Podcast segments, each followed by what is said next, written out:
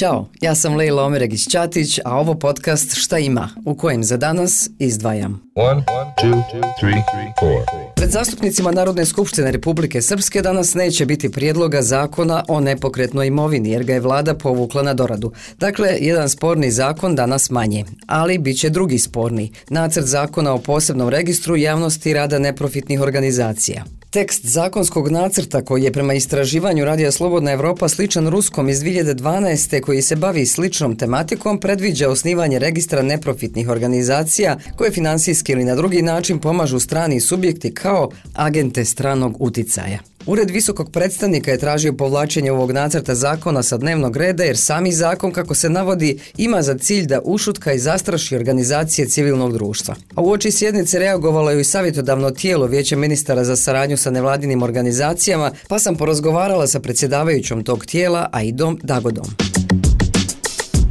Konkretno, kako će se odraziti na nevladin sektor ukoliko ovaj zakon bude donesen? Ne samo na nevladine organizacije, na udruženja i fondacije, nego na društvo u cjelini i na naš put u evropske integracije, a i na građane i građanke. Nevladine organizacije će najviše imati taj pritisak straha, pritisak neke prijetnje sistema, zbog kojeg već sada imamo problema u tom našem civilnom prostoru da djelujemo slobodno.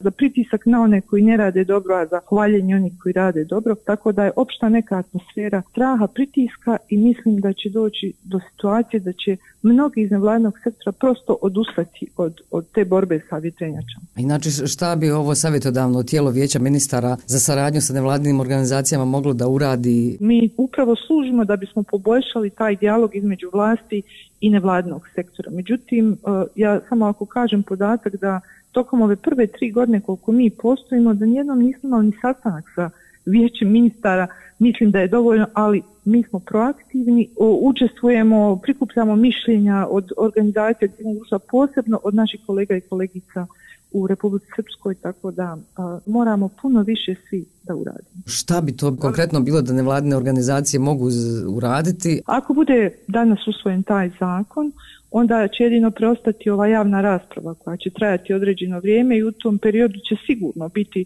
jako puno inputa i razloga zašto i pravnih analiza od europskih stručnjaka, ali kažem, opet je na kraju uvijek ta politička odluka. A ministar za ljudska prava i izbjeglice Bosne i Hercegovine Sevlid Hurtić potpisat će danas ugovore o saradnji s predstavnicama osam nevladinih organizacija koje vode sigurne kuće u BiH. To ministarstvo je obezbijedilo grant sredstva u iznosu od 100.000 maraka, a novac će biti podijeljen tako da svaka sigurna kuća za smještaj žena žrtava nasilja dobija po 12.500 maraka. Femicid i nasilje nad ženama postali su ogroman problem u BiH koji zahtjeva hitne mjere i sveobuhvatan pristup. Zbog toga je i počela velika kampanja u cijeloj državi sa sloganom Poštoj život, ne oružje, kao odgovor na veliki broj incidenata uzrokovanih vatrenim oružjem s tragičnim posljedicama. Tokom kampanje će fokus biti stavljen na teme femicida, odgovorno držanje oružja i povrat ili predaju nelegalnog oružja. Svaka šesta smrt u Bosni i Hercegovini povezana s vatrenim oružjem posljedica je nesretnog slučaja, dok se vatrenim oružjem počini više od polovine ubistava u BiH, od čega se u 95% slučajeva koristi nelegalno oružje. Posebno zabrinjava činjenica da se ubistva povezana s vatrenim oružjem najčešće događaju u privatnim prostorima, a svako drugo se dogodilo u kući, stanu ili dvorištu žrtve. Ubistva počinjena u krugu porodice čine skoro trećinu svih ubistava, što znači da je svaku četvrtu osobu ubijenu u Bosni i Hercegovini ubio član obitelji. Žene su primarne žrtve, a dvije trećine svih ubijenih žena ubiju članovi porodice. Skoro 40% ubistava žena počinjeno je vatrenim oružjem. Neke su to od činjenica na koje se upozorava kroz sveobuhvatnu kampanju Poštoj život, ne oružje.